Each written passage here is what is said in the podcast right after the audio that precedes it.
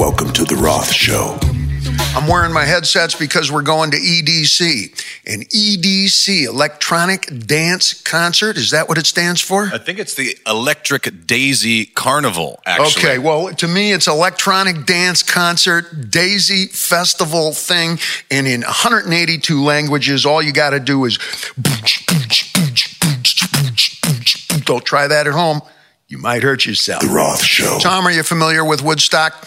I am actually. Okay, and they tried to put on a Woodstock this year. Is it going to happen? It's not going to happen. What do you know about it? I just know that some bands started to pull out, and all of a sudden, um, they made an announcement that they're not going to do the show. Well, Woodstock was part of my generation, okay?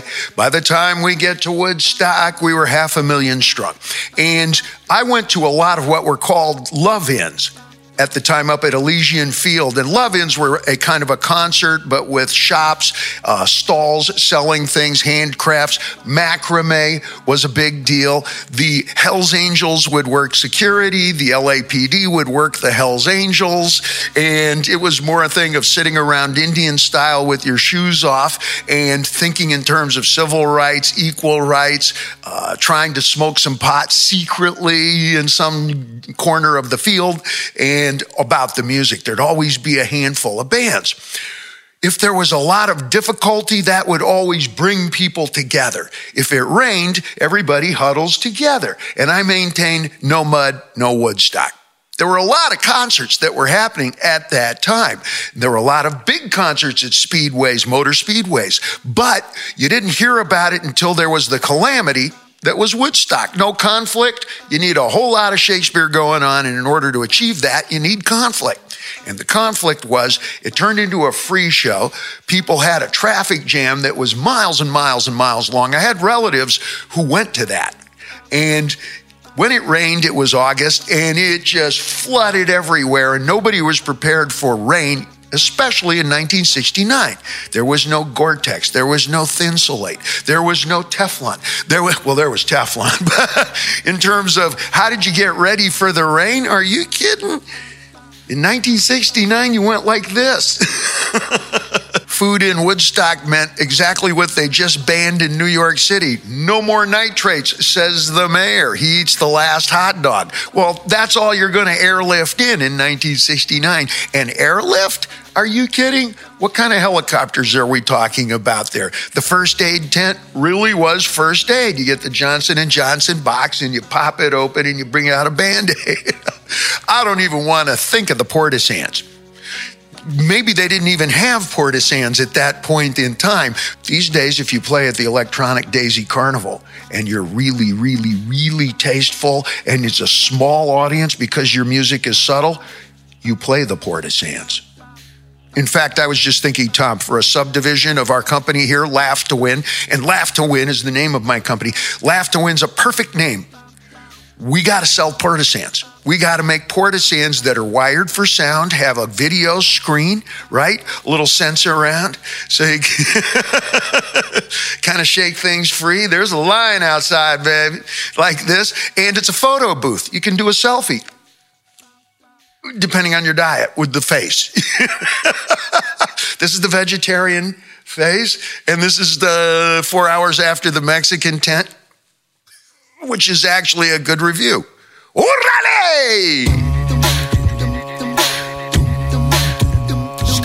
So you're wondering, what are you to do? I can help you with those summertime blues and pinks and reds. Ink the original theoriginal.com. As a dedicated follower and a lifetime listener to all of the bands who performed at The Who. that sounds like I was at Woodstock, huh? Whoa, where are we going next, Yogi?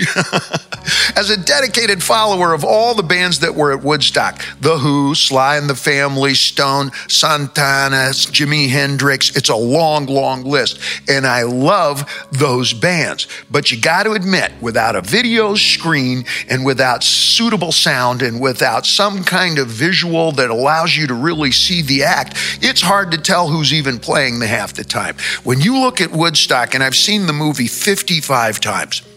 You can't tell who's in the rhythm section. You might have Sly and Sly and the Family Stone because he's out front. He's got the biggest hat on and he's the one singing lead. Carlos, he's singing, he's playing the guitar and they focus in on him. But if you pull that camera back just a little bit, it's surrounded by families and road crew and techs and hangers on and press and media and other musicians, and you can't tell who's doing doing what.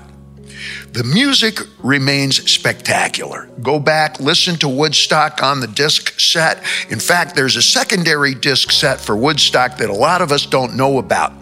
And they have extended sets for Sly and the Family Stone and Janis Joplin, for example. I listen to it. That's get going music for me up in the shower every other morning.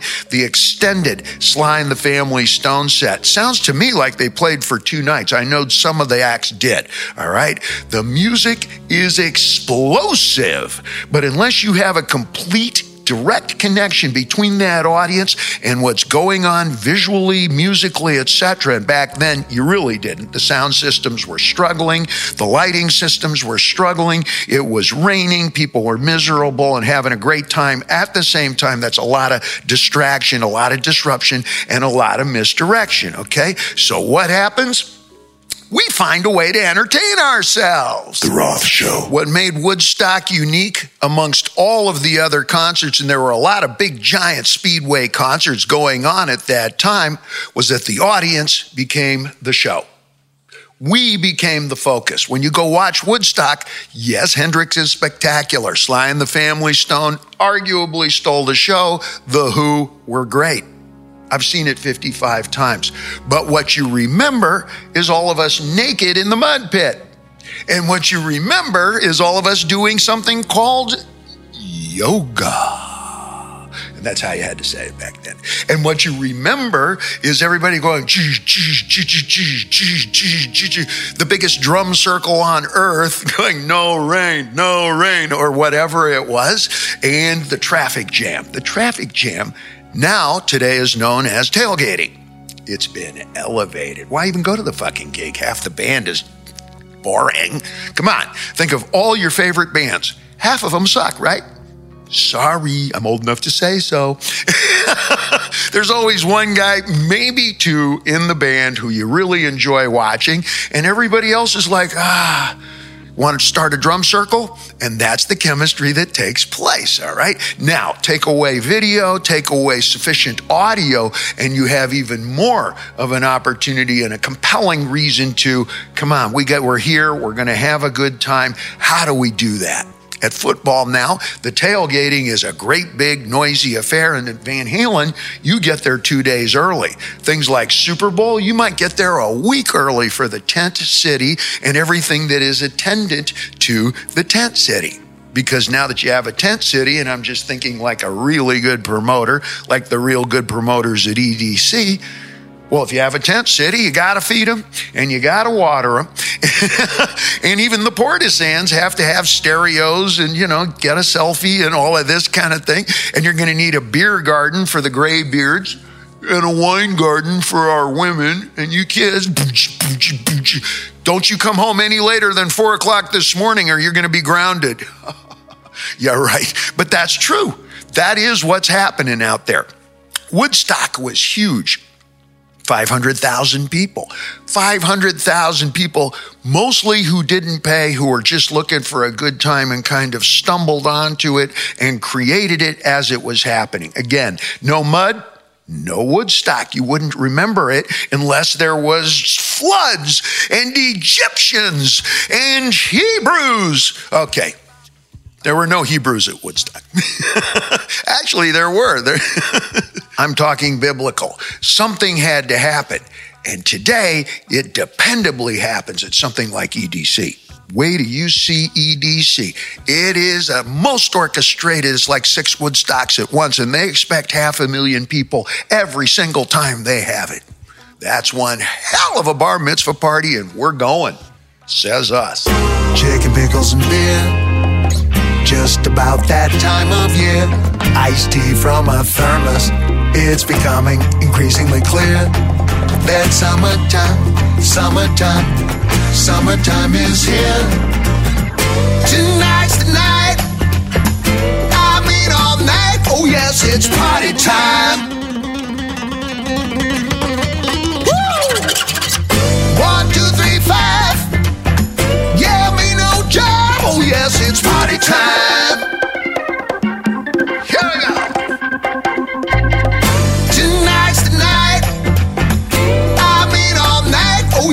It's party time. One, two, three, five. Yeah, me no job. Oh, yes, it's party time.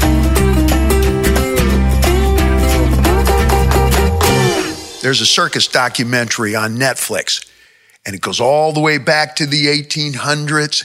And this is the very roots, the very beginnings of where we are today. Is something that will escape you out of those cornfields, takes you out of that beet patch. America was just a collection of tiny little burbs, tiny little farm places, dusty one road places like Newcastle, where I came from, where it says, Welcome to on one side of the sign, and on the other it says, You are leaving. we saved a little paint and we exaggerated a little, but not as much as you might think. And there are millions of these little towns that are collected now by internet. It's updated. And where we go in our heads, where we go in our eyes, as you can see with the glasses. Now I'm part of the show. Let's move up to Cirque du Soleil from P.T. Barnum. Cirque du Soleil goes back to the very beginnings of a simple big top, maybe 14 people in one ring there where it's very, very, very interactive. And if you've never been to Cirque du Soleil, then EDC is a way slamming good taste of it. Cirque du Soleil goes back hundreds of years in terms of interacting with the people in the actual troupe. I've always thought, wouldn't it be a hoot since in Van Halen we take off like big bands do two, three summers? Oh, Jesus, Metallica took off six, eight years at one point. What are you going to do in between? Well, we're cross training. It's all cross training for what I do as an artist. EMT was part of that. Those people that I all met and worked with and my instructors are all in my voice now when I sing. I always thought one of the best cross training experiences I might be able to have would be the ringmaster at Cirque du Soleil. What would that look like? I started with the thought from standing in the center of that and looking at those lights because I know from working in rock and roll what that feels like. 850 million watts and just coming off of that drum riser, there were so many lamps that we put designed to throw the lamping up that I always made the joke, but it wasn't a joke, but it was, but it wasn't, that when I had that Tarzan haircut, I could just go sit on the drum riser and in four minutes it'd be dry. And that was the truth. I know what time, I know what it would feel like. I knew what the humidity was. I knew what the sound would be like. It's like the business end of a 747. Woof! You can feel the boom in the room, and it's exactly the same boom they do in over at EDC. Virtually no difference, just better, just bigger. Oh man, I'm gonna get dressed up for this one. Being part of the show is brand new in the American experience, but it goes back a thousand million years. I went to New Guinea camping. People spend two weeks getting ready for what's called a sing sing. And sing sing is broken pigeon English. Like if you have a mouthful of nut and you know, you're a little bit little bit woggy like that, you say singing, sing, sing. Singing, sing. Really, that's where it comes from. And they get ready for two weeks, put a little paint on. It's all kind of pig fat and grease. And so just braiding your hair, ladies, you know, when you start putting in long braids plus cassowary feathers plus plaster and paint and all of the colors and the beet, bed, beet juices and so forth. Spend weeks getting ready for one special event. Those of us who've gotten ready for a wedding know exactly what I'm talking about. Got to get measured, got to get our hair cut, got to say, got to go do the practice. Fucked it up, showed up drunk, got to practice again. Where's cousin Larry? Oh, no, got to practice again. and on and on. Same thing, Sing Sing, thousands and thousands of years old.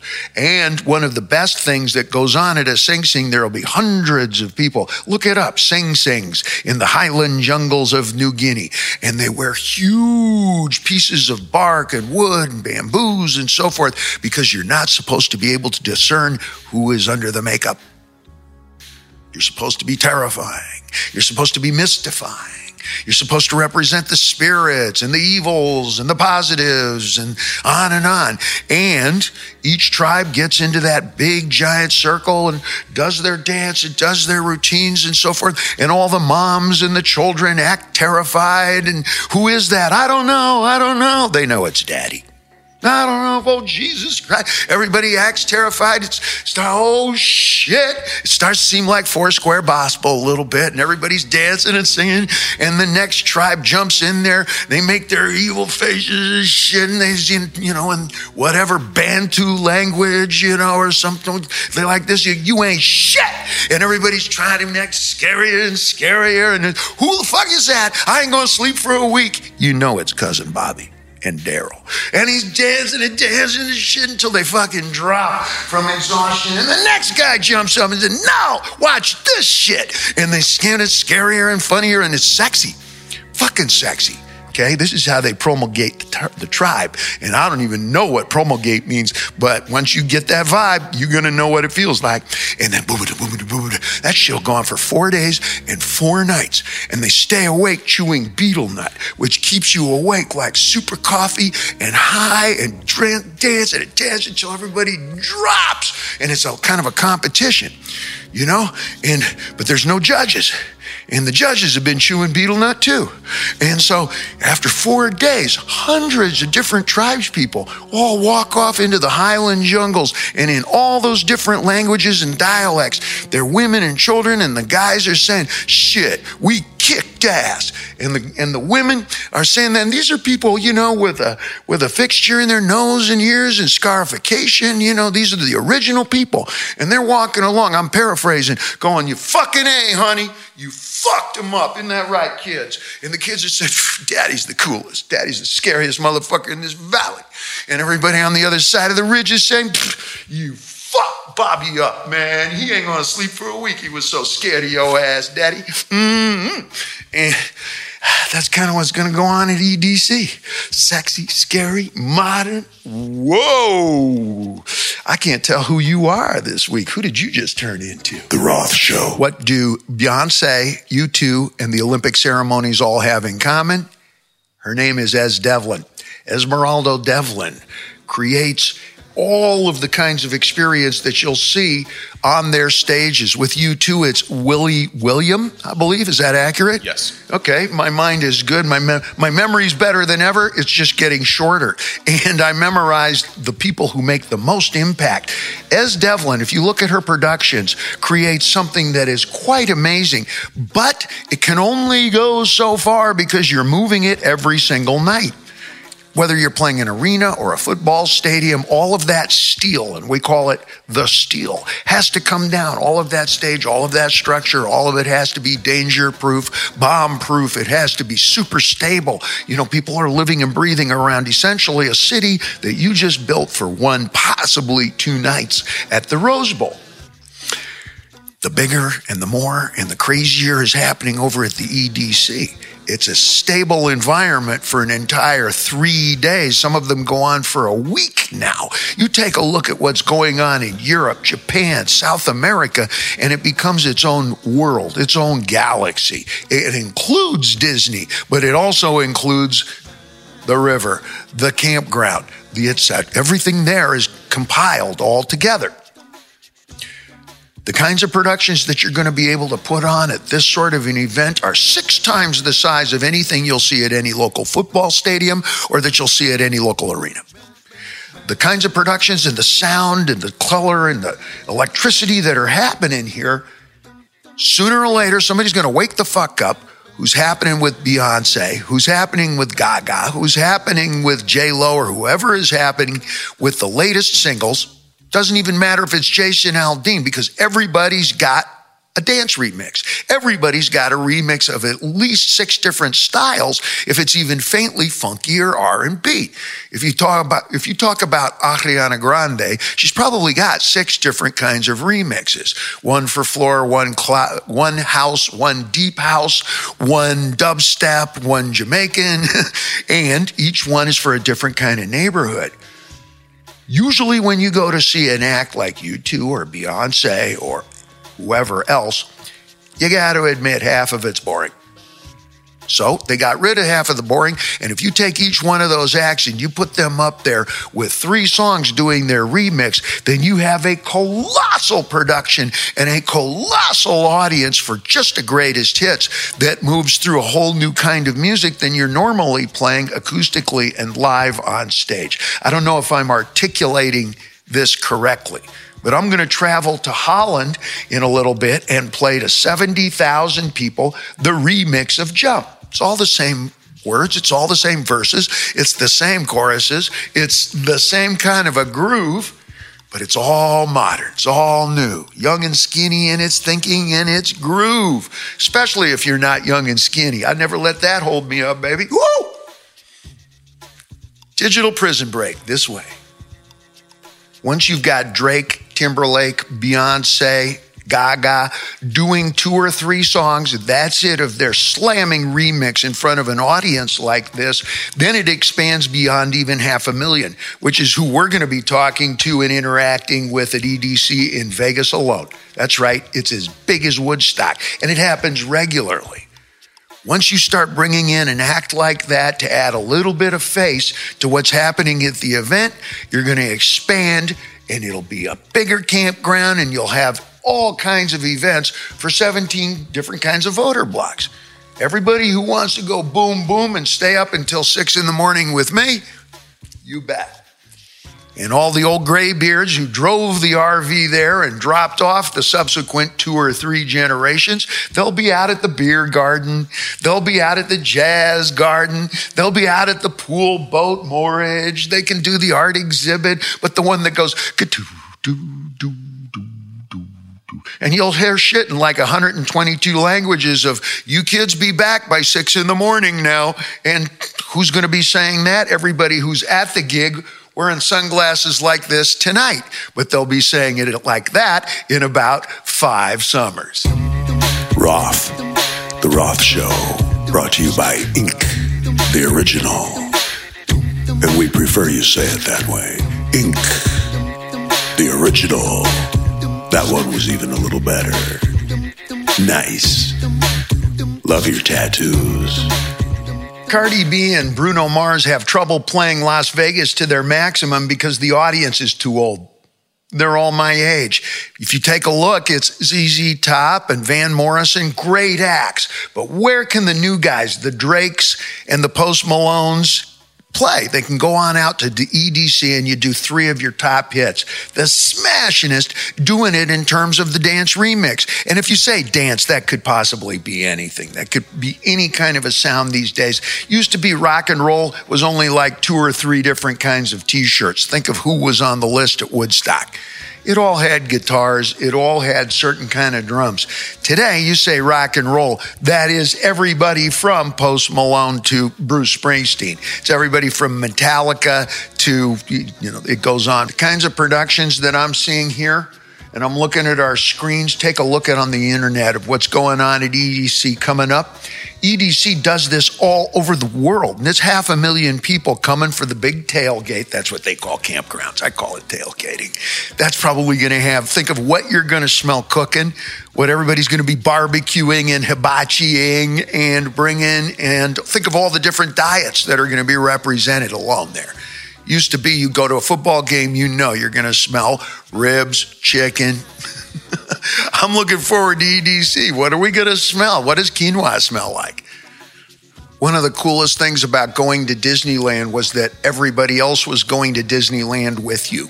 Was the only place that you got to see somebody from Cambodia standing next to somebody from Soledad, from somebody from Mexico City, somebody from Kenya, because we were all standing in line to get our tickets back in the 60s.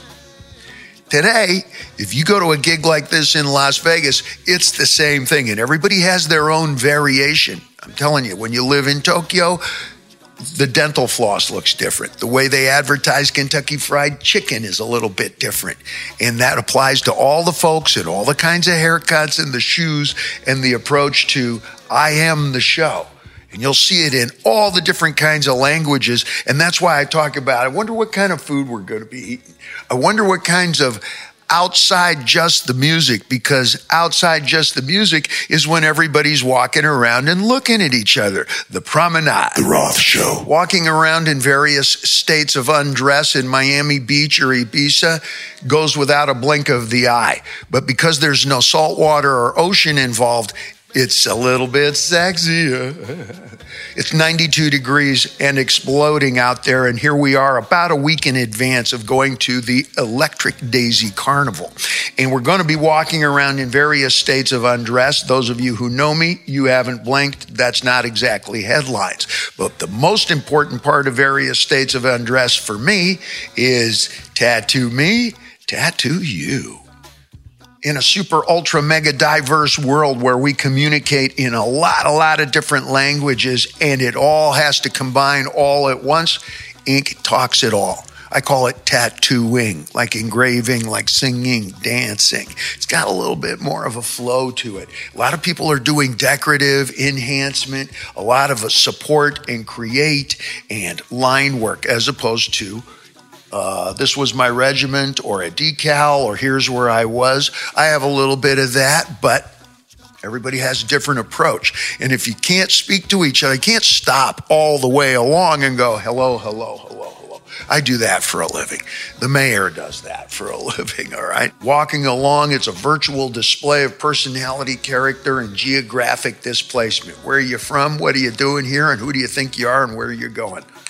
All just like that. You'll see it in the ink, in the tattooing, and people will be showing it really proudly here. Watch out for the sun, guys. Really, watch out for the sun blasting any colors, any gradation, any kind of light handed work. And there's a lot of art students at work at this kind of ink now. Watch out, it does not brave the sun well. You can buy yourself some time. I tried 180 different kinds of products from around the world so that you get the ultimate with the most transparency without blasting, without petroleum products, without killing a pelican. really, we went after it. Took me three and a half years. And what you got is the most basic craft ingredients. And that goes along right along with the spirit of the EDC. All right. I'm not at an expo trying to sell along with Johnson and Johnson or Neutrogena. This is craft stuff and it's designed to walk around in various states of undress as have I historically, I mean, as an artist and a raconteur. and you want to show your ink without blowing out the yellows. Watch out, that sun will turn those yellows green. You want people green with envy, not yellow sunburst rays turning green. You want the blues to stay blue. You don't want them to turn ugly purple. You want people purple with envy. You don't want the blues to turn purple. This could be a very long video if I decided, but you know, you get the message here. So please do walk around in various states of undress, but watch out for those inks. The Roth Show. The idea that we're all buried completely in our cell phones, yeah, that exists out amongst normal corners. But when you get to an event like's coming, EDC, it completely defies that concept. People are joining together and bigger and bigger. When you think of the biggest baby boomer event ever, you think of the Olympics. Then you might think of the Super Bowl. You want to go back to music, there are musical events. Lately it was Beyonce at Coachella. You want to go boomer again, you have Woodstock or Altamont where things went wrong. And yeah, nothing's perfect. You have the Fyre Festival, and that becomes its own expression. You fired it, or you're fired. Maybe that has a whole new expression. EDC, electronica and the monster festivals, these giant collections, these carnivals defy the idea that folks are separating and polarizing. We're polarizing because it's more interesting to dive down the rabbit hole, so to speak, when you're at home at night after the homework's done or the kids are asleep. But when it comes recreation time, no, not everybody's staying at home playing video games. Video games are spectacular, but this looks like you're in the video game and it's a perfect electronic connection. It's a whole new world out there and nothing defines it more equitably than video games.